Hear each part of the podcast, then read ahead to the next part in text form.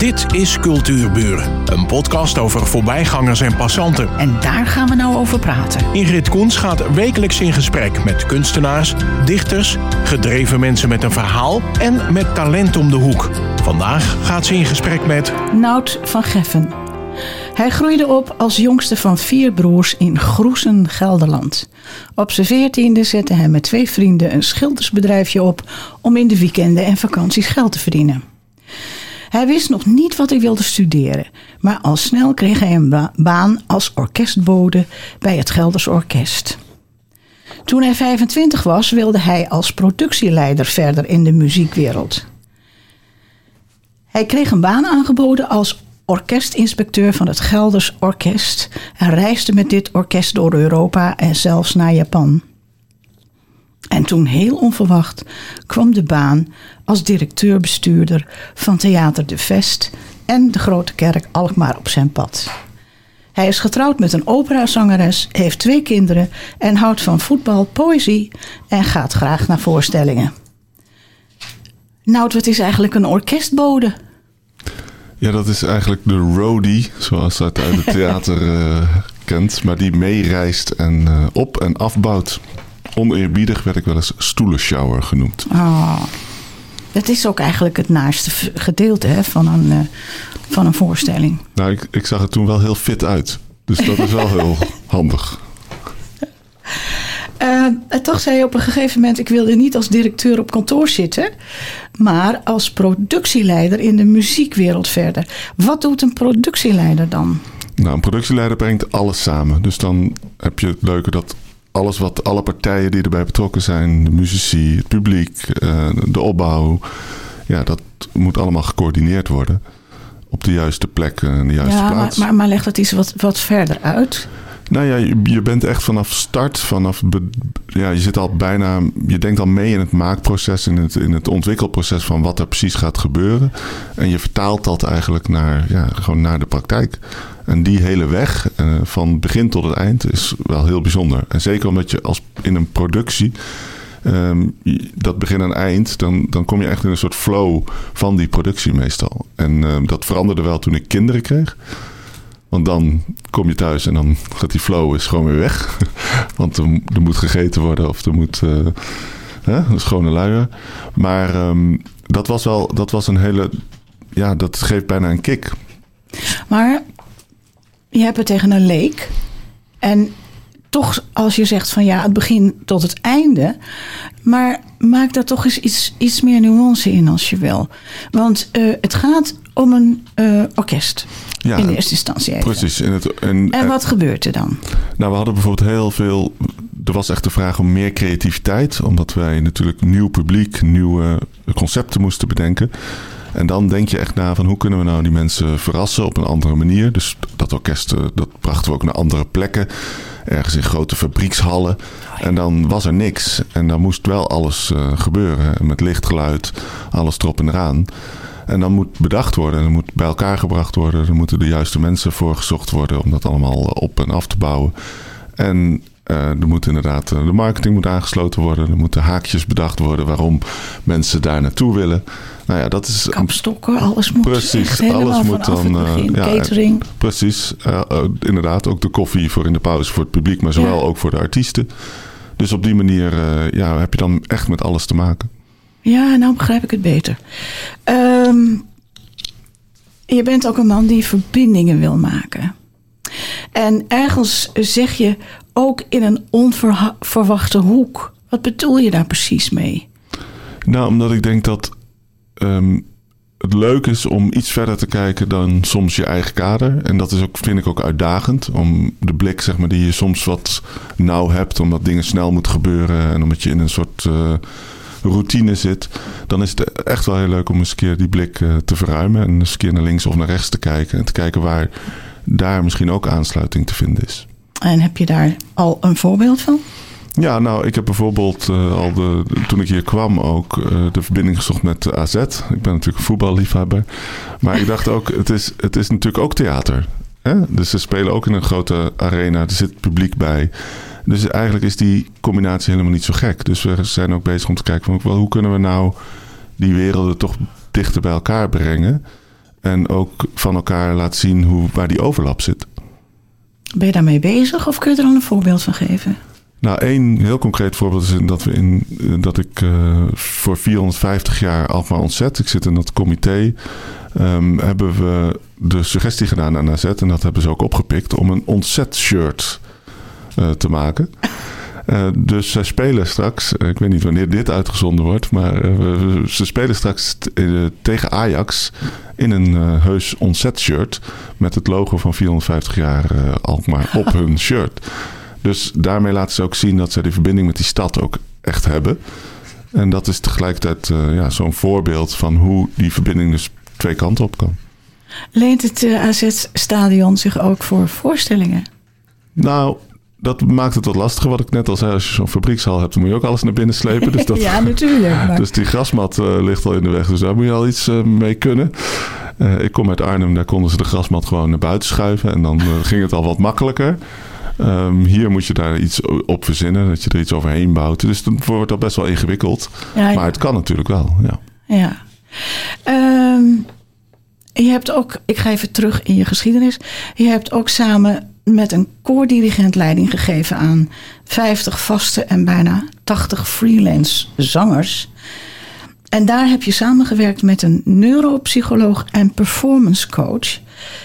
Wat kan een neuropsycholoog betekenen voor een zangkoor? Ja, dat is een goede vraag. Ik vond dat zo fascinerend wat je daar geschreven had. Ja, ik heb een jaar lang met hem gewerkt. Ik noem hem altijd mijn Erik Schredder van, van het koor. Maar hij was zelf ook uh, klassiek gitarist, dus hij begreep het vak, uh, het, het muzikusvak. En, um, en neuropsycholoog. En wat hij deed, heeft, heeft mij geholpen, zowel als persoonlijke coaching. Maar hij uh, coachte ook op teamniveau en hij coachte op organisatieniveau. Dus we hebben eigenlijk de hele gedragscode en alles wat daarbij kwam. Net voor de voice hadden we die klaar. Dus voor, daarvoor was altijd de discussie waarom is dit nodig. En daarna wist iedereen waarom dit nodig is. Um, maar we hebben dat, de, psychosociale arbeidsbelasting, zoals dat zo mooi heet, hebben we onderzocht en aangepakt. En ja, handvatten gegeven om te kijken hoe dat nou werkt. En hoe, werkt, hoe gaat het nou in een groep? En een koor is bij uitstek zelfs meer nog dan een orkest, omdat daar nog meer differentiatie in de groepen zit. Hoe bedoel je dat? Nou, een, een, een, orkest heeft bijvoorbeeld aanvoerders in een groep. Dus die zitten dichtst bij de dirigent en die bepalen mede het ritme en, en, en, en de op- en de afstreken van de instrumenten. Maar een koor, daar moet iedereen, die soms zijn het dus wel 80 en soms zelfs 100 mensen. Die moeten allemaal op hetzelfde moment. Ze hebben soms nog wel eens een verschillende partij, hè, de, bassen, de sopranen. Maar ze moeten wel allemaal op hetzelfde moment hetzelfde doen. En um, dat maakt dat dat tegelijkertijd. Dus ik geef wel het voorbeeld. Het beste voorbeeld is dat een recensie bijvoorbeeld vijf sterren kan zijn in de NRC. Beste koor ooit uh, heeft zo mooi gezongen. En het kan dan nog steeds de worst, de slechtste avond zijn van een van die koorleden. Omdat die niet meekwam, omdat hij verschrikkelijke omstandigheden had, waardoor hij daar op dat podium toch stond. Want de meeste muzici die gaan er altijd voor. Wat ze ook hebben, of ze ziek zijn, of overleden ouders of andere vreselijke dingen, dan staan ze toch s'avonds op dat uh, toneel. Dat weet natuurlijk niemand. Maar dat doet wel wat met je als individu. En als je dan alleen maar aangesproken wordt als grote groep, ja, dat is best moeilijk om daar zelf altijd weer je eigen verhouding in, in te zoeken. En wat doe je daar dan mee met zo iemand? Hoor je dat? Ja, ik denk dat erkenning is natuurlijk een hele belangrijke. Er is een ja, onderzoek ja. geweest van Oxford University. Die hebben onderzocht dat de gemiddelde, het ging dan over orkestleden, het gemiddelde orkestlid uh, ongelukkiger is dan de gevangenisbewaarder. Oh. Vanwege dit feit, vanwege het feit dat die ze moeten op topniveau presteren, maar de erkenning is eigenlijk altijd al alleen maar voor de groep en niet voor het individu. En wij zijn toch, ja, de mens wil graag gezien worden. Um, en het is dus heel belangrijk dat dat ja, op een andere manier alsnog uh, kan gebeuren. Dat is een heel, heel goede om eens over na te denken ook. Ja, het is uh, ja. ook waanzinnig interessant om. Uh, ja. Ik zou iedereen die baan aanraden, want het is heel leerzaam. Ja. Uh, voor jou is de taak van een theater, althans dat zeg je, om iedereen iets moois aan te bieden. Maar hoe, hoe weet je nou wat iedereen mooi vindt? Ja, wij doen daar veel onderzoek naar. Dus we krijgen ook veel klantreacties terug. Dus we weten ook wat we wat Maar die doen. zijn dan al binnen geweest. Die zijn dan al binnen geweest. Maar die, dat geeft natuurlijk wel weer een richting voor de toekomst. Dus zo wordt er... We zitten ook in een landelijk netwerk van 17 grote theaters. Dus we houden ook met elkaar goed contact over wat werkt en wat niet werkt. Dus op die manier haal je zoveel mogelijk informatie op. En dan eh, probeer je dat in een goede analyse mee te dragen naar, eh, ja, naar je nieuwe programmering. Maar bereid je dan ook echt iedereen?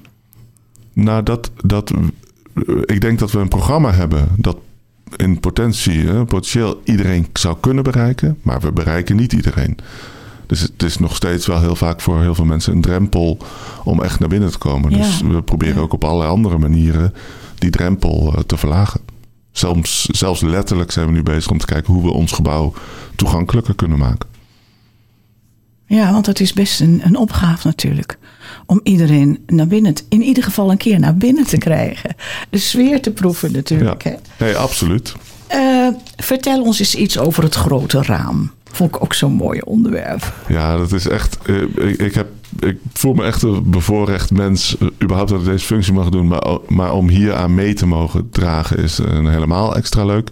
Ehm, het idee was er al toen ik kwam. Maar ik eh, werd meteen gevraagd of ik niet ook aan wilde sluiten in het bestuur van dat grote raam. En ehm, het is ooit ontstaan in, na 500 jaar kerk in eh, 2018. Toen hadden ze eigenlijk gedacht al voor, voor dat jaar iets moois te bedenken. Maar toen was het nog te vroeg om zo'n groot project te doen. Want het heeft dus ook uiteindelijk vijf jaar gekost om het voor elkaar te krijgen. Het Nou, is ook heel groot. het is heel groot. Het is 23 bij eh, 6 meter. We hebben nu een eh, street art op het Canadaplein gelegd... om mensen te laten ervaren hoe groot dat eh, zeg maar ook op de vloer is. Ja. Snel als als je een boom omkapt, dat als hij op de grond ligt... dan is hij toch altijd groter dan dat je denkt dat hij... als je hem van, vanuit eh, beneden bekijkt. Ehm, nee, het is, het is een waanzinnig groot project. Er is een jaar aan gewerkt door een eh, Duitse glasfirma... Het was ook de enige mogelijkheid om dat in Duitsland te doen. Want in Nederland hebben we heel veel goede glazeniers. Maar zelfs als we die allemaal bij elkaar hadden gelegd, dan, dan was het nog niet gelukt. Dan had het nog niet gekund. Dus dit is echt een wereldspeler op het, eh, op, op het gebied van glas en lood. Ze doen projecten in Taiwan en op alle andere plekken. Ehm, en ze hebben dus met tien man, eh, minstens tien man, hebben ze er fulltime aan gewerkt. En het is echt, eh, ja, de mensen die het feitelijk ook in de kerk gezet hebben, want het zit er nu al in. Oh, het zit er al in. Het is klaar. Het moet nog afgewerkt, moet nog netjes gemaakt worden. De, de, de, de lood moet, Moet nog nog eh, goed gelapt gelegd. worden. Moet nog gelapt worden. Moet er niet aan denken. dan op- 23 meter hoog. Nee, en dan op 8 oktober is het, want het is ook een ontzetraam. En op 8 oktober is het dan beschikbaar. Maar het is het ontwerp alleen al van Fiona Tan, kunstenaar. Dus eigenlijk een filmkunstenaar. En ze heeft het ook zo ontworpen. Dus het is ook een hele grote gok geweest om dat haar te laten ontwerpen. Of die, met haar te doen. Maar dat is ontzettend goed uitgepakt. Want ze is eh, zo gepassioneerd. Ze heeft elk stukje glas bijna wel eh, beoordeeld. Daar in Duitsland ook. Dus dan kwam zij één keer in de zoveel tijd weer naar Duitsland. En hing alles daar voor het raam. En dan ging zij kijken of het allemaal goed was. En anders moest dat nog vervangen worden. En dat hebben ze een hele goede samenwerking gedaan. En zij is geïnspireerd geraakt, als, eigenlijk als achtjarige al, eh, door de kaleidoscoop van haar oom. Oh ja. En dat is zo'n mooi verhaal, want haar oom heeft dus in de oorlog stukjes glas, want die was gelegerd, die zat bij Rijms, eh, was die gelegerd. Die stukjes glas van het glas en lood wat uit de kathedraal geschoten was, om het zo maar te zeggen, opgeraapt. Heeft daar een kaleidoscoop van gemaakt. En dat heeft zij later als kind bij haar oom eh, ingekeken. En toen zij dus gevraagd werd om dit glas- en loodraam te ontwerpen, of daar een ontwerp voor te maken, toen kwam die inspiratie bij haar boven. Dus feitelijk is het ook, als je goed kijkt naar het raam, is het van onder naar boven, is het eigenlijk steeds een kleine slag van die kaleidoscoop. Ik heb er nog geen thuis. Ik had er vroeger ook een als kind. Ja, Eh, kunnen we even uitleggen wat het is eigenlijk? Het is een, een kartonnen kokertje. Ja, het is een kokertje. Dit was dan echt een eh, hele mooie stalen. Het kan, van, het kan eigenlijk als een zeekijker ook. eh, ja, ja. Maar het, het gaat erom dat er glas en spiegels, of, of stukjes glas of kralen in zitten en spiegels. En doordat je dat dan draait, eh, geeft dat elke keer een andere, een andere blik. Een lichtinval. Ja. Ja. prachtig. Oh, zo leuk. Ja, het is fantastisch. Eh, je hebt een hele staf van medewerkers. Ehm, kun je daar ons iets meer over vertellen? Want die, eh, je gaat naar een, een voorstelling, maar je ziet er geen één. Maar er zijn wel een heleboel mensen in touw. Kun je ons daar iets over vertellen? Welke mensen er allemaal achter de coulissen werken? Buiten de catering natuurlijk. Die kunnen we wel zien in de pauze. Precies. Ja, en de publiek service. We hebben een hele fijne ontvangst altijd. En we zijn wat dat betreft ook open. Dus ook overdag kan je bij ons gewoon naar binnen lopen. Soms zie je dat niet van dat geveegd glas, maar we zijn open. Nee, we hebben eh, het is heel mooi verdeeld. Ik heb, eh, ben nu een jaar bezig. En ik heb een hele mooie erfenis gekregen van mijn voorganger. Dat, dat, die heeft dat heel goed opgezet. Ehm, en het zijn drie af, grote afdelingen eigenlijk. En dat eh, is één, is dat de programmering en het publiek. Oh ja. Zoals dat zo mooi heet. En daar valt natuurlijk de programmering onder, de marketing, de publiekservice, eh, ja, de kassa, al, al, al dat soort zaken. Dan hebben we nog een afdeling die heet ehm, eigenlijk de zakelijke of de commercie eh, en bedrijfsvoeringskant. En daar vallen ook heel veel zaken onder. Maar daar zit bijvoorbeeld ook de kerk onder. Want we zijn natuurlijk theater en de grote kerk als één organisatie. Eh, maar daar zitten ook de events die in de kerk of zelfs ook in het theater eh, plaatsvinden. En er valt ook de theatertechniek onder. Dus eigenlijk alles wat er nodig is om te komen tot eh, al die mooie voorstellingen. En dan hebben we nog een andere afdeling die natuurlijk ook heel noodzakelijk is. Een financiële afdeling Ja. en administratieve ICT en alles wat daaronder valt. Die technische afdeling. Dat zijn de jongens die je niet ziet. Eh, Maar die heel wel soms. zijn. als, je, als je weet wie het zijn, zie je ze soms eh, sluipend over het toneel eh, change- changeren, zoals dat zo mooi heet. Ja. Ehm, nee, dat, dat, dat, die zijn ook niet altijd. die, die willen ook niet altijd in de spotlight staan. Maar die zorgen er wel voor dat die spotlight inderdaad perfect staat. En het mooie is dat het heel vaak hele gepassioneerde mensen zijn. veelal is het of een lichttechnicus of een geluidtechnicus. Hè? Dus het, eh, dat zijn ook twee verschillende werelden binnen Ja, ja. die technische wereld. Maar de passie, ik, ik- deze week ook mocht ik een nieuwe installatieset luisteren van, eh, van, voor onze kleine zaal. We zijn, we zijn daar aan het investeren op nieuw eh, geluid. Nou ja, de plezier en de passie waarmee dat uitgezocht is, waarmee dat gedaan wordt. En hetzelfde geldt ook voor het licht. Dan gaan ze echt de hele wereld over om te kijken waar dat het eh, beste of het mooiste kan. Ja, het heeft ook te maken met het, eh, met het gevoel van het theater. Hè? Ja, het is denk ik de Geluid, magie. zeker. Ja, precies. En, de eh, magie van het theater is natuurlijk toch heel. Licht heeft mee, veel te maken met de voorstelling, maar Ja. geluid is heel belangrijk. Ja, we doen, we doen natuurlijk ook ehm, eh, rondleidingen. Hè? Je kunt bij ons ook rondleidingen achter de schermen. En aan de ene kant is dat natuurlijk fantastisch. En aan de andere kant haalt het ook wel weer een stukje, soms een stukje magie weg. Dus sommige mensen willen ook niet geen rondleiding. Want die willen gewoon altijd als ze dat theater ingaan, In de bubbel komen. in die bubbel Ja, blijven en komen. Ja. En daar, daar, dat, daarom is het zo belangrijk dat wij ervoor naar streven om zo hoog mogelijke kwaliteit eh, te leveren. Omdat dat maakt dat je zo goed mogelijk daarin komt. En wat doen jullie voor de kinderen?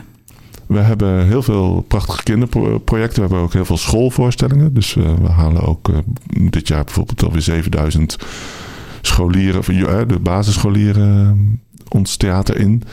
Maar we hebben ook een eh, jeugdtheaterfestival in de kerstvakantie en ook in, eh, in, eh, in januari. En wat houdt dat in? Of in het voorjaar.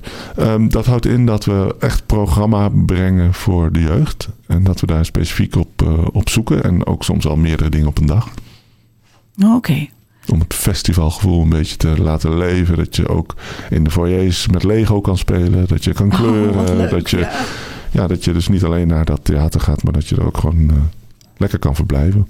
Dat is leuk. Dat is echt leuk. Dus je hebt het hele theater dan in dienst gesteld van de kindjes. En Ja. dan komen, hoe oud moeten ze zijn dat ze binnen mogen? Vanaf twee jaar kan dat al. dat is Dus, jong. eh, ja, zeker. Dat en dan eh, mogen ze jong. lekker op kussentjes zitten. En, of liggen. Of eh, lekker rondwandelen. dus nee, er is al vanaf heel jong theater mogelijk. En tevens krijgen de ouders binnen. Die Zeker. natuurlijk binnenkomen, misschien wel voor het eerst. En op deze manier ook kennis kunnen maken met het theater. Ja, dat hopen we natuurlijk. Dat ze daarna denken van eh, we vragen een oppas en we gaan samen weer eens een keer een avond uit. Ja, Want precies. eh, daar hebben we inderdaad ontzettend veel eh, voor in de aanbieding. Geen oppas nog. Geen oppas in de aanbieding. Nou, mijn dochter toevallig wel. Dat je zou kan me natuurlijk ook nog een idee zijn, hè? Ja, mijn dochter is een oppasservice begonnen. Oké. Kort. Nou, Dus- ze weten waar ze je kunnen Ja. vinden. Eh, ik had eigenlijk nog een vraag. Eh, Ineens schoot die vraag mij binnen en ik was, werd zo nieuwsgierig. Dus ik ga het je nu vragen. Ga je nog wel eens naar de film? Eh, ja, zeker. Ja, ik moet even denken. De laatste film is Oppenheimer die ik gezien heb. Dus niet zo heel lang geleden. Ja, ja, ja. Fantastische film. Ja. Die hele speciale snelheid, hè? Ja, Ja. maar ik moet eerlijk bekennen dat het niet heel vaak gebeurt. We zijn gisteren eh, zijn we ook weer eens een keer een avond uit geweest samen. Dat was ook heerlijk. Zijn we naar Vrij van Verzet. Dat is eh, een hele bijzondere voorstelling van Blauwdruk. Collectief Blauwdruk die ook in het kader van 450 jaar ontzet in de, eh, in de Ouddorpse polder staan. Letterlijk tot hun knieën in het water. De hele voorstelling. Dus eh, dat is ook Een echt een stukje van gezien op ja. tv. Er wordt reclame over gemaakt. ja, het is echt Dat is echt fantastisch. indrukwekkend, hè? Ja, ja, echt dat collectief is, dat, dat daar zit zoveel energie in. Dat, eh, dat moet je gezien hebben. En ik vroeg me nog af, hoe heb je je vrouw leren kennen? Hoewel jullie zitten natuurlijk een beetje in het vak. Nou ja, eh, Zij is opera, opera zeker. Ja, en ik was productieleider. Dus, Ja. eh, en eh, zij was Contessa, zoals dat zo mooi heet. De rol van Contessa in Notze de Figaro. Dus de bruiloft van Figaro, dat was onze eerste kennismaking. Dus dat in heeft het indruk op je Concertgebouw. gemaakt. Ja, dat heeft indruk op mij gemaakt. Ja, ik, ik mocht, dat was mijn eerste project als projectleider. En toen dacht ik, toen ze- kwam binnen, we waren al aan het repeteren. En er stond op mijn lijstje Gravin Hanneke de Wit, dus Contessa. Toen is, ik had een hele ouderwetse, een oude dame verwacht die eh, binnenkwam. Maar eh, dat bleek heel anders. Het sloeg in. Ja, als een bom. Ja. Eh, ik heb ook gelezen dat je gedichten schrijft. Nou, schrijven niet zo heel veel, maar wel. ik ben echt een groot liefhebber van poëzie. Dus ik lees heel veel poëzie. Ik draag ook heel veel poëzie voor. Ik zoek bij, eigenlijk bij alle bijzondere gelegenheden. Schiet er ofwel een woord of een gedicht eh, bij me naar binnen en dan, dan, dan zoek ik dat uit of dan zoek ik dat op. Maar schrijven heb ik me, waag ik me in ieder geval nu nog niet aan, omdat ik denk, er is zoveel moois en er zijn zoveel andere mooie dichters. Dus ik heb, ik heb niet eens de, de ambitie om dat te overtreffen. Ik ga je nu vast bedanken. Ja, En zou je dan een gedicht willen voorlezen? Nou, van Gert, ik wens je heel veel succes. En we zien elkaar nog wel eens een keertje. dankjewel. Ehm fijn dat ik hier kan zijn. Het gedicht is van Bart Moejaert, een van mijn lievelingsdichters, een Belg, die ehm, zowel boeken schrijft als, eh, als gedichten. En het ehm, gedicht heet Dirigent. Als de regen traag blijft vallen en het licht wordt als aan zee, sluit de ochtend naadloos op de avond aan. Dat klinkt als somberheid, maar niet per se. Je hoeft niet alles in mineur te zingen. Je doet de dingen met je beste been vooruit. Aan donker zit altijd een kant die glanst, zoals de natte straat. Het heet ook hondenweer voor iets. Is het niet grappig dat je je evenwicht verliest bij het schudden van je vacht? Je weet dat oefenen bij het leven, niet bij het leven hoort. Alles is altijd voor echt. Je moet de straat op en verdrinken. Je borstzak brandend van het kaartje voor een stoel dicht bij de dirigent. Hij wijst je met het tillen van zijn handen op het belang van het moment. Dit was Cultuurburen, een podcast van Ingrid Koens en Streekstad Centraal. Bedankt voor de aandacht en tot de volgende Cultuurburen.